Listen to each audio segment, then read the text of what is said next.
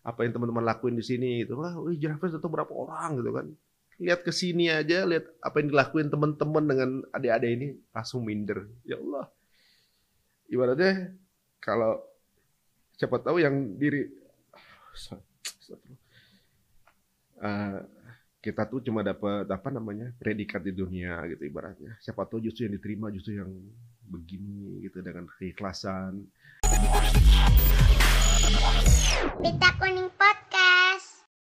Men, cerita tentang Rico the Series, men. Lo kelihatannya uh, punya ketertarikan, interest terhadap dunia anak-anak gue lihat dengan lo bikin karya Rico the Series. Kartun animasi yang bernafaskan Islam ya.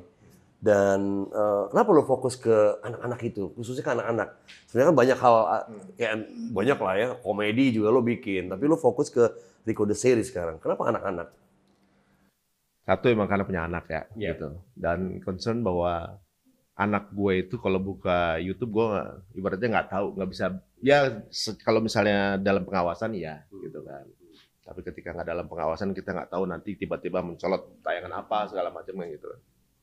Kita nggak bisa komplain orang-orang bikin konten-konten yang merusak moral anak gitu misalnya. Udah jangan bikin gitu nggak bisa. Iya. Masing-masing punya ini. Tapi bagaimana caranya gue punya andil untuk eh, bikin saingannya, Iya. gitu kan. Jadi nanti ketika dihisap kita, lu orang media apa yang ngelakuin? Salah satunya itu dalam serat apa 168 jam seminggu, gue udah ngisi 10 menit lah minimal seminggu itu Iya. tayangan baik. Mudah-mudahan bisa bertambah Amin. lagi, gitu kan. Nah itu juga dari dari apa namanya ketika belajar sejarah-sejarah juga ada pengaruhnya juga sih sebenarnya. Jadi bahwa kalau kita biasa belajar eh, apa sejarah gitu ada istilah dark ages gitu. Iya. Waktu itu dark ages itu justru adalah masa kebangkitan masa masalah ke- masa kejayaan-kejayaan ilmuwan muslim itu kan saat itu. Bagaimana eh, yang menemukan pesawat Ibnu Firnas, tapi kemudian yang populer adalah Raid Bersaudara, Hmm. nggak masalah bagi mereka yang dikejar bukan bukan Bukan dunia. bukan fame-nya kan Ya, gitu. bukan fame ya, fortunately. Bagaimana sekarang orang mungkin bilang, wah yang menemukan eh, apa Instagram segala macam gini, mana ada gitu apa namanya ilmuwan yang eh, apa namanya eh, sejarah dalam sejarah Islam yang bisa dibanggakan. Iya. Tapi semua digital ini nggak akan terjadi tanpa ditemukannya algoritma kan, Betul. algoritmi. Kemudian bagaimana YouTube atau lensa kamera, kacamata segala macam ini nggak akan ada kalau nggak ditemukannya optik oleh Ibnu Haytham. Nggak bisa ada mobil, ada jam tangan, robotik segala macam kalau nggak ditemukan sama Ajazari. Hmm. Jadi semua teknologi yang ada sekarang itu itu reflection dari the dark ages yang ditutup sama sejarah-sejarah dunia sekarang. Iya. Nah, kemudian kan belajar dari eh, apa namanya eh, generasi-generasi terbaik zaman dulu tuh kayak apa Salahuddin Al Ayyubi ya kan. Bagaimana waktu itu dia bisa menjadi pembebas eh, Palestina saat itu kan. Ternyata yang hebat bukan dianya gitu. Yang hebat adalah gen- tiga generasi sebelumnya. Eh, siapa namanya? Termasuk juga perebut Konstantinopel ya. Iya, itu kan setelahnya lagi kan. Setelah itu. Jadi ternyata bahwa eh, yang hebat bukan dianya, tapi generasinya yang hebat. Hmm. Cuma dia adalah juru bicara dari generasi itu. Iya. Bagaimana bisa dapat orang-orang hebat itu? Ya harus dibidik dari zaman orang tua orang tuanya. Nah, pengennya sih anak-anak sekarang nih punya idola ilmuwan Oh. saat oke. ini. Mungkin bukan kita yang ngerasain atau anak gua atau cucu gua bukan, tapi Hmm. gua ketika ditanya nanti gua udah pernah punya andil di situ. Gitu. Iya. Jadi mungkin ya teknologi atau mungkin eh, kebangkitan peradaban itu insya Allah akan terjadi. Cuma masalahnya kita ada nggak peran di situ? Itu. Nah, peran kita ada nggak? Angkat nih, nyonya kayaknya. Enggak, enggak, enggak. Oh, okay. Biasanya kalau nyonya nggak bisa nggak ada pilihan loh. Ada pilihan. gue gini sendiri, gue lagi ngomong bisa gini sendiri. Gitu. Eh, Lagi live di TV bisa. Lalu Mimi. Jadi itu oke. Tapi itu hal yang bagus sih. Jadi Rico the Series ini diharapkan bisa menjadi legacy lah. ah, biar bisa jadi bisa kenalin lah, bisa kenalin. bahwa eh, ada loh tentang teknologi, tentang Islam dan sebagainya buat anak-anak gitu ya. Tapi nggak nggak melulu ngomongin agama sih sebenarnya Iya. lebih baik kenalin anak mengenai teknologi. Gara-gara juga waktu itu ngobrol sama salah seorang ilmuwan Indonesia ini tinggal di eh, Singapura. Iya. Dia ilmu ahli cahaya nih. Dia bahkan di Google Solar dia disebut namanya paling tinggi. Tertarik gara-gara dia menemukan bahwa di setiap fase kehidupan manusia di Quran itu disebut cahaya nur. Iya, Semua disebutkan. Hmm. Di semua fase itu selalu ada cahaya nih. Hmm. Itu bahkan Quran Allah pun disebutkan sebagai cahaya juga. Waduh, kenapa dia tertarik itu? Makanya pernah penasaran. Tapi dia kemudian keluar bahwa eh, sebenarnya teknologi itu udah ada di di Quran. Iya. Masalahnya orang Islam tuh baca cuma baca doang. gitu. Nggak memahami, kan nggak mentadaburi. Ketika dia bilang baca kan ba- baca juga keadaannya, baca juga situasinya seperti apa. Iqra kan selalu gitu sebenarnya, Iya, dibaca ini korelasinya apa gitu. Kayak Nabi Musa dulu pernah belah laut gitu kan. Hmm. Itu dilakukan oleh Nabi gitu, impossible kan gitu. Tapi doable, sekarang udah ada itu belah laut dari Prancis ke Inggris. Iya iya iya. gitu kan. iya. Isra Mi'raj dari apa Mekah ke Madinah, eh Mekah ke Aqsa kemudian ke langit gitu kan. Iya. Udah sekarang udah ada pesawat, udah ada roket. Iya iya. Tapi belum nyampe setinggi itu. Tapi paling nggak spiritnya udah sama. And probably they got inspired bro pasti. Ya, nggak mungkin lah kalau selevel itu nggak mungkin. Tapi Hmm. sebenarnya bahwa teknologi itu bisa ada, Iya iya iya. gitu kan? Bagaimana Umar bisa memimpin perang di tempat dari tempat yang jauh, dianya bisa remotely ngasih komando, kan ada Iya, tuh. iya, sekarang. betul. sekarang udah ada handphone, Oh iya iya. iya. which is sebenarnya yang kita pikir eh, impossible kalau kita pik, apa dipelajari lagi itu bisa kok Iya, double gitu. iya. Walaupun mukjizat tetap mukjizat, nggak bisa kita selevel itu. Pasti. Dan in terms of uh, uh, pekerjaan atau ilmu dunia itu sangat dibutuhkan untuk bisa mencapai ke- kemaslahatan. Yang penting tujuannya itu kan ya. Termasuk belajar sains dan sebagainya. gue lihat, gue juga sering ngamatin lo sangat fokus sama keluarga lo sekarang.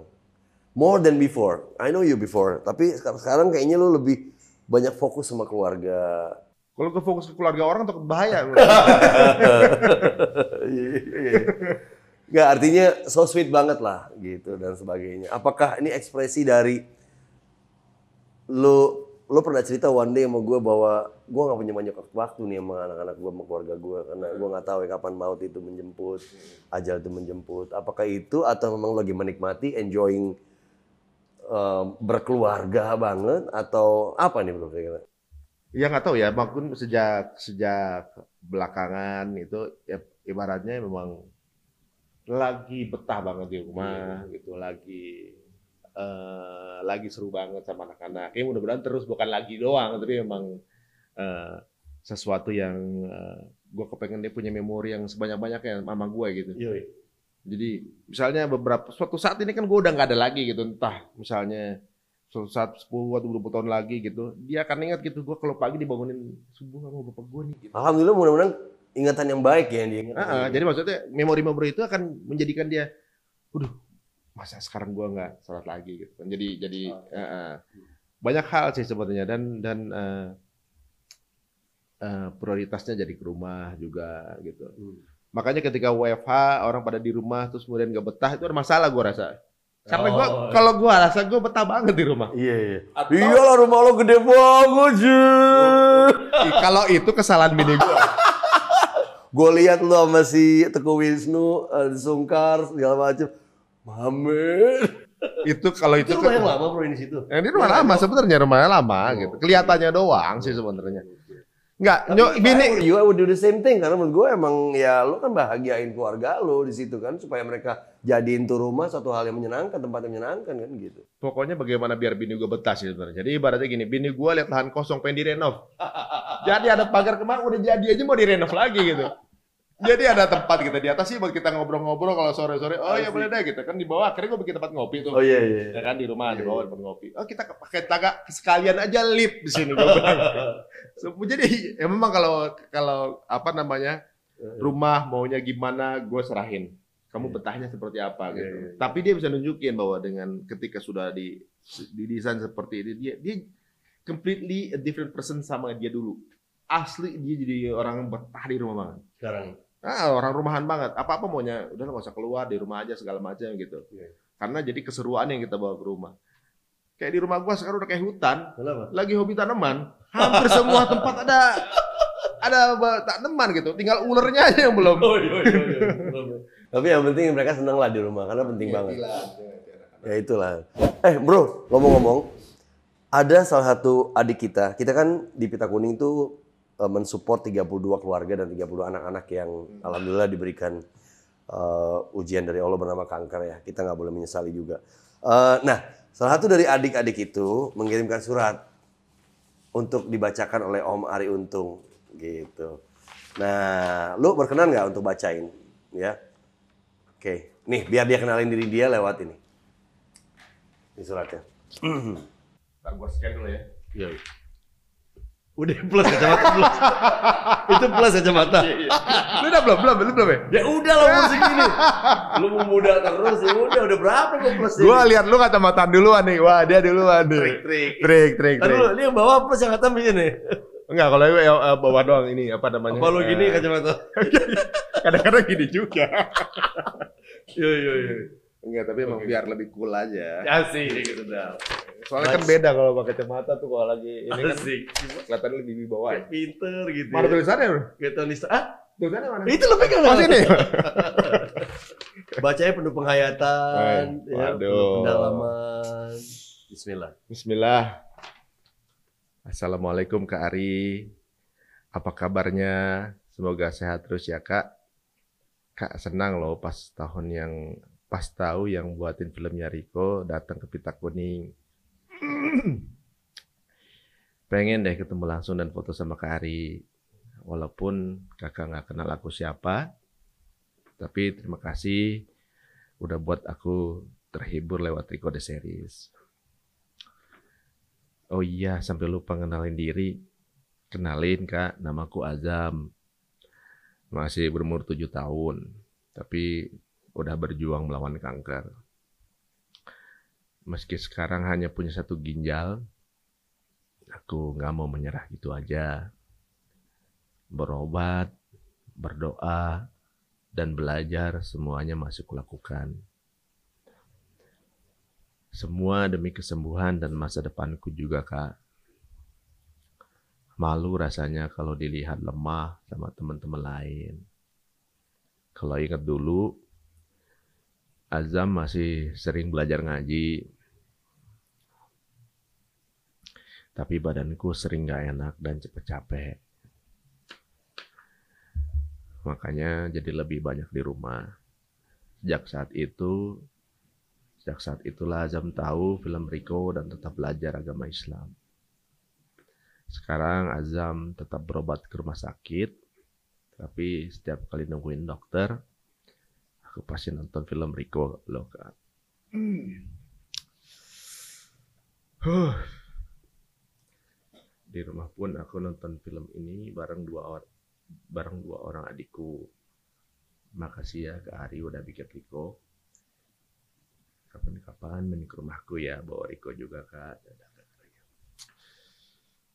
Nah. terus dan gue masih nahan-nahan dulu nih aduh baper juga baca ini Azamnya tujuh tahun ada fotonya kan? Ada tadi fotonya. Nah, nanti kita lihat di tayang ini kita tayangin. Azam ini salah satu penikmat karya lo, Rico the Series. Eh, dia senang banget. Suka suatu hal yang sifatnya sains, keilmuan, dan sebagainya. Dia hidup dengan satu ginjal sekarang ini. Em, mudah-mudahan surat ini menjadikan motivasi buat lo to keep going, man. Keep going, to keep doing the thing yang baik, yang kind, yang menyenangkan buat anak-anak. Dan ngasih sesuatu buat anak-anak itu efeknya besar. Dia akan bawa terus sampai dia remaja, dewasa.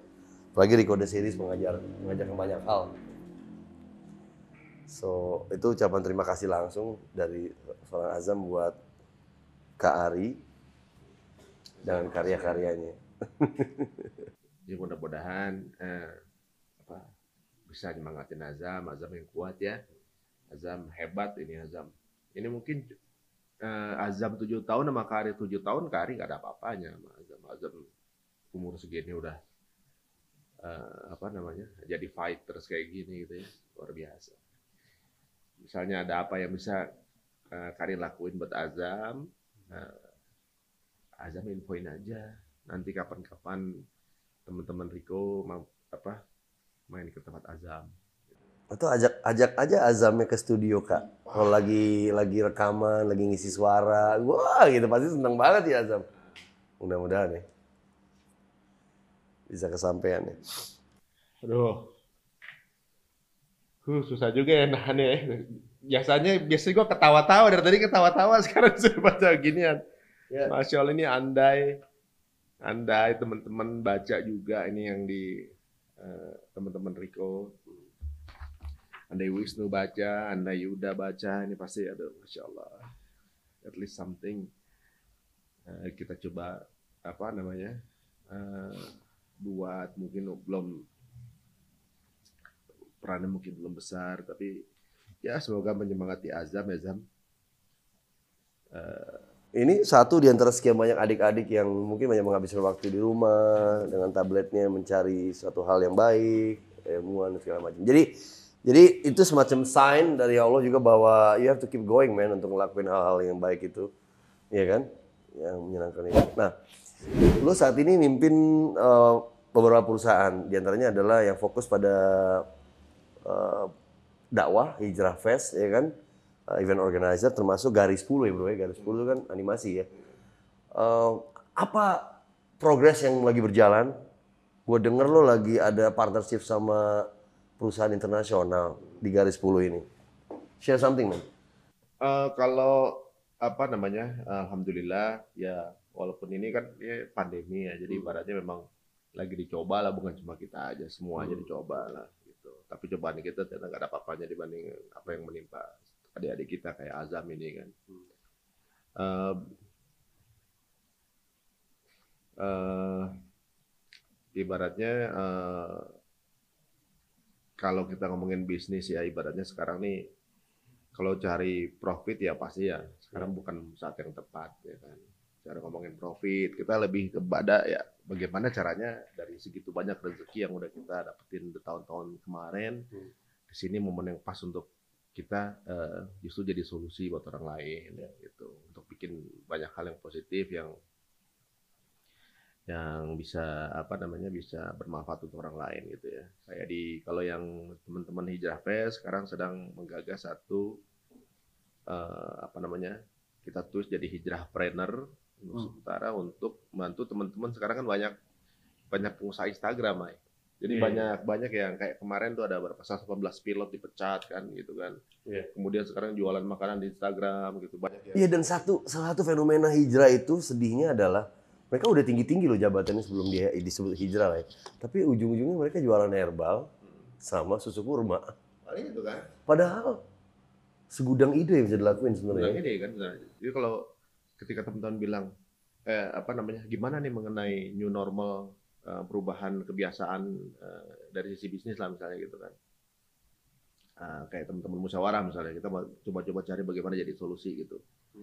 Pada saat teman-teman yang lain sekarang lagi eh, twist apa bermasalah dengan pekerjaannya kan. Ya. Kita nih udah Allah udah new normalin kita 2 3 tahun yang lalu. Iya benar. Ya, jadi ibaratnya eh, eh, apa namanya eh, perubahan kayak gini pasti akan kejadian gitu. Ada nggak nggak selamanya kita ba- bagus-bagus terus kan gitu. Ya kita dikasih pernah dikasih gempa, tsunami, dikasih segala macam. Sekarang dikasih wabah ya suka-sukanya Allah aja orang kita cuma numpang doang kan gitu. Nah, cuma masalahnya kita ini orang-orang yang orang-orang terpilih lah ya kan kamu dengan solusi. Nah, itu jadi eh, ketika merubah jadi apa hijrah trainer itu kita bantu mereka yang UMKM. Nanti kita misalnya sudah kumpulkan, dia akan berikan pelatihan-pelatihan, kemudian diberikan website website gratis misalnya, atau di eh, apa namanya digabungkan menjadi bagaimana cara eh, membuat sebuah portal bersama yang jadi solusi buat mereka berjualnya lebih gampang, gitu. Kalau di- Dan ada satu program lu yang brilian menurut gua eh, endorse teman-teman endorsing. gratis. Endorse gratis ya. Nah. Itu dibutuhin banget sama UKM-UKM sekarang ya dipromot ya. Waktu endorse gratis pas Ramadan kemarin kita juga kan. Iya. Kita kan endorse gratis ada 20 orang yang ikutan kan. Satu orang dua deh. Jadi sehari itu ada 40 produk gitu kan yang bisa kita bantu endorse. Ternyata pas kita umumin datang 1200. Iyalah, Pak. Akhirnya kita tutup tuh. Di hari pertama doang udah kita tutup karena kalau makanan masih basi kan. Oh iya juga ya. Akhirnya kita turunin anak-anak eh, dari komunitas yang jago foto kita fotoin semua, bikin Instagram baru. Akhirnya kita repost repost. Hmm. Itu itu satu gitu. Kalau yang dari eh, apa Rico, alhamdulillah ya sekarang sedang dalam pembicaraan Ya. dengan salah satu. Saya belum bisa bilang ya. Jadi maksudnya belum bisa dikemap karena kan masih dalam masih duduk bareng. nih. Iya, iya, oke. Mudah-mudahan kita akan eh, jadi apa namanya tayangan yang bisa keluar dari Indonesia lah gitu. Siap. In terms of manfaat itu kan lebih gede lah amplifiernya ya. Insya Allah. Mungkin dinikmati luar negeri karena sekarang zaman sekarang kan bisa banget lo bikin karya dinikmati sama luar negeri. Ya justru karena sekarang ini kan banyak hikmah ya. Sekarang jadi borderless kan sebenarnya kan. Kayak misalnya misalnya lu mau bikin Zoom podcast sama Imam Samsi yang ada di Amerika, Iya, iya, itu double sekarang udah. Iya banget. Nggak harus nggak harus. Sekarang kan MC dari rumah enaknya gitu kan. Iya, iya. Walaupun mungkin bayarannya nggak seperti kalau kita datang. Jauh sih. kalau ngomongin ini ngomongin MC aja nih. Ngapain? Lu kan nggak bayar makeup, nggak bayar baju keren-keren. Bener. Bawahnya juga pakai sarung lu gitu.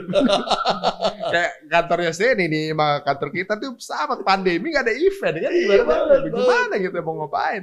Gitu. Tapi selama ya tapi kita berjibaku lah, justru melatih kreativitas ya. Nah itu ya. ya.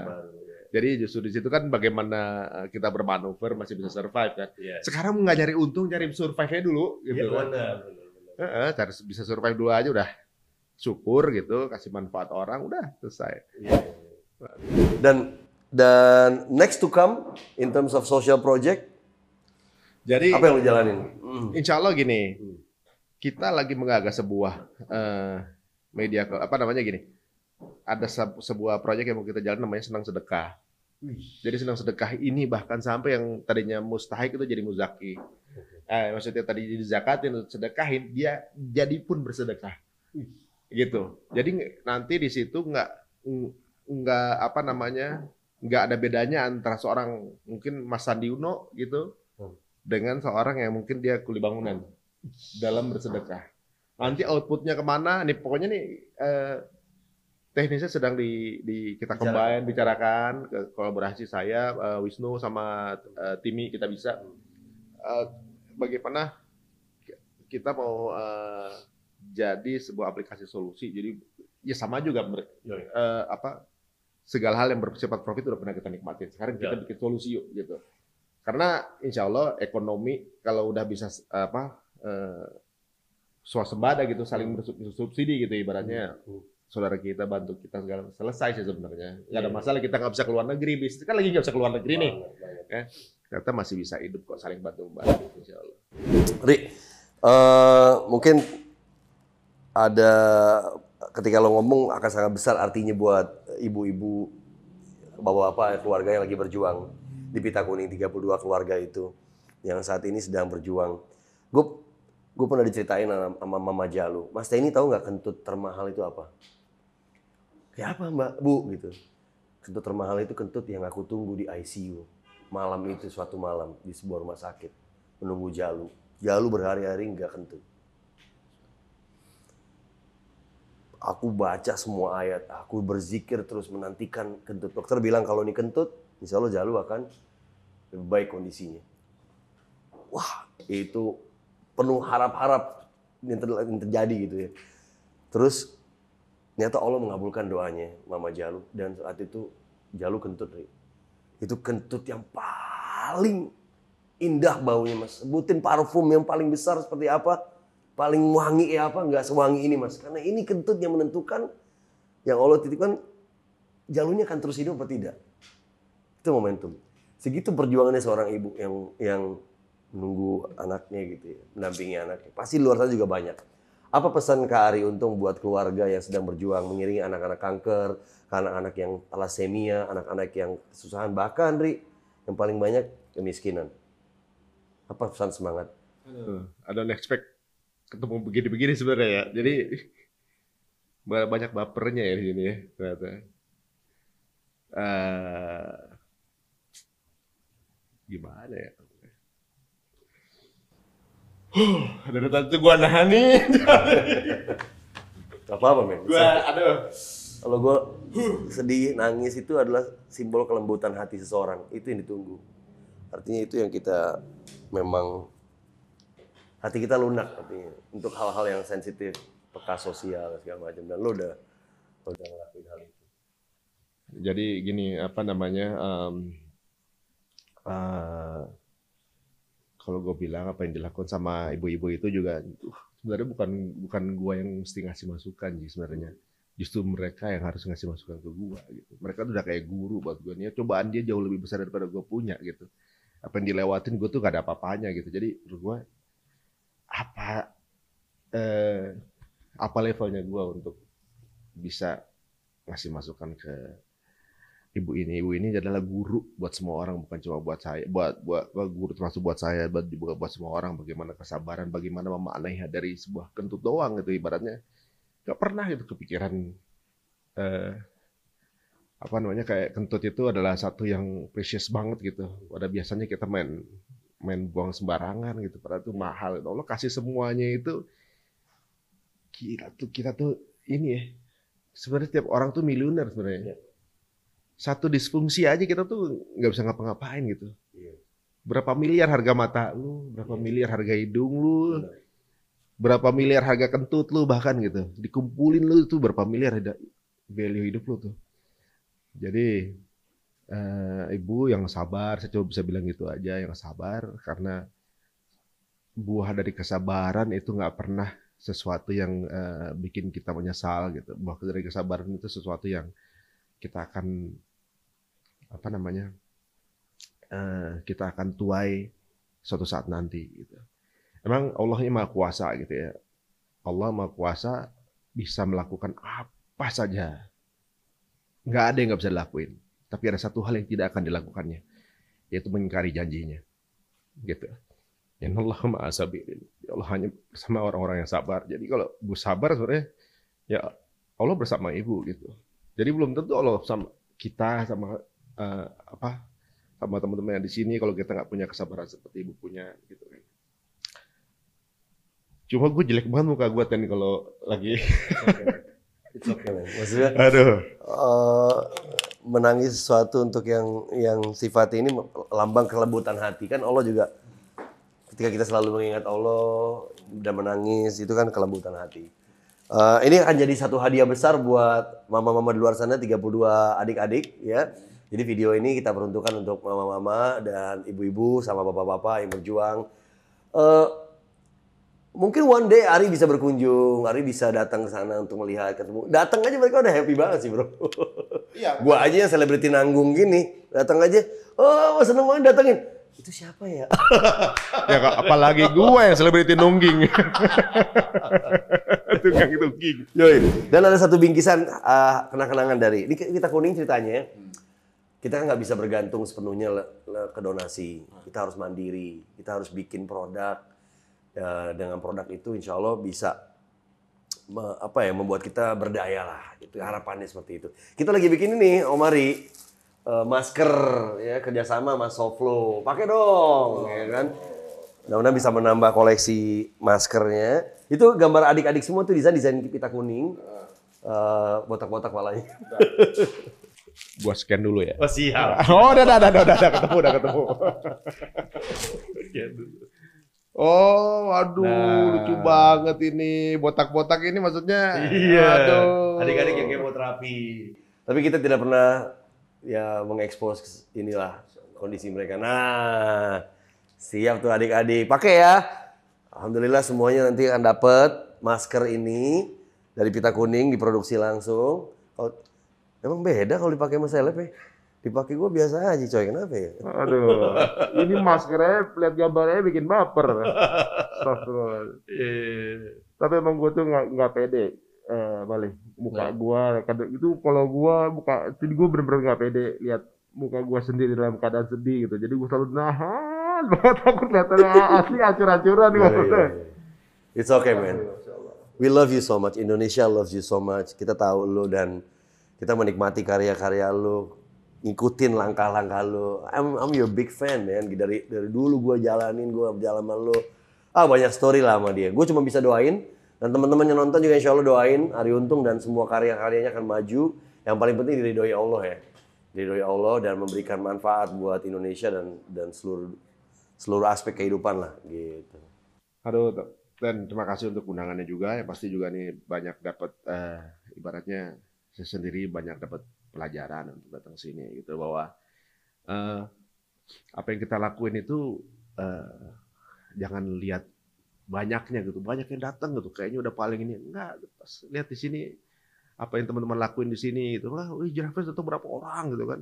Lihat ke sini aja, lihat apa yang dilakuin teman-teman dengan adik-adik ini langsung minder. Ya Allah, ibaratnya kalau siapa tahu yang diri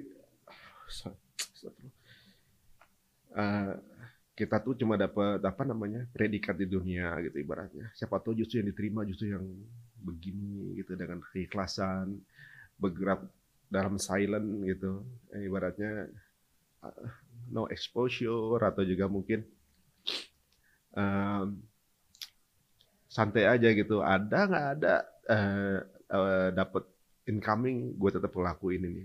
Masya allah ngeliat ini yang udah dipanggil semua berapa orang itu bayangin tuh? Segitu banyak bersaksi untuk teman-teman yang ada di sini semua gitu. Sedangkan yang eh, kita temuin nih, mungkin teman kita dalam beribadah eh, belum tentu kita finishnya sama di tempat yang sama. Bisa aja ya mudah-mudahan enggak ya. Kita mudah-mudahan bisa tetap saling mengenal nanti. Tapi banyak pelajaran di sini bahwa eh, setiap orang punya jalan amalnya masing-masing dan setiap orang eh, punya misinya masing-masing dan selama itu di jalan yang sama insya Allah kita akan ketemu di tengah jalan amin Amin. Thank you, Mari.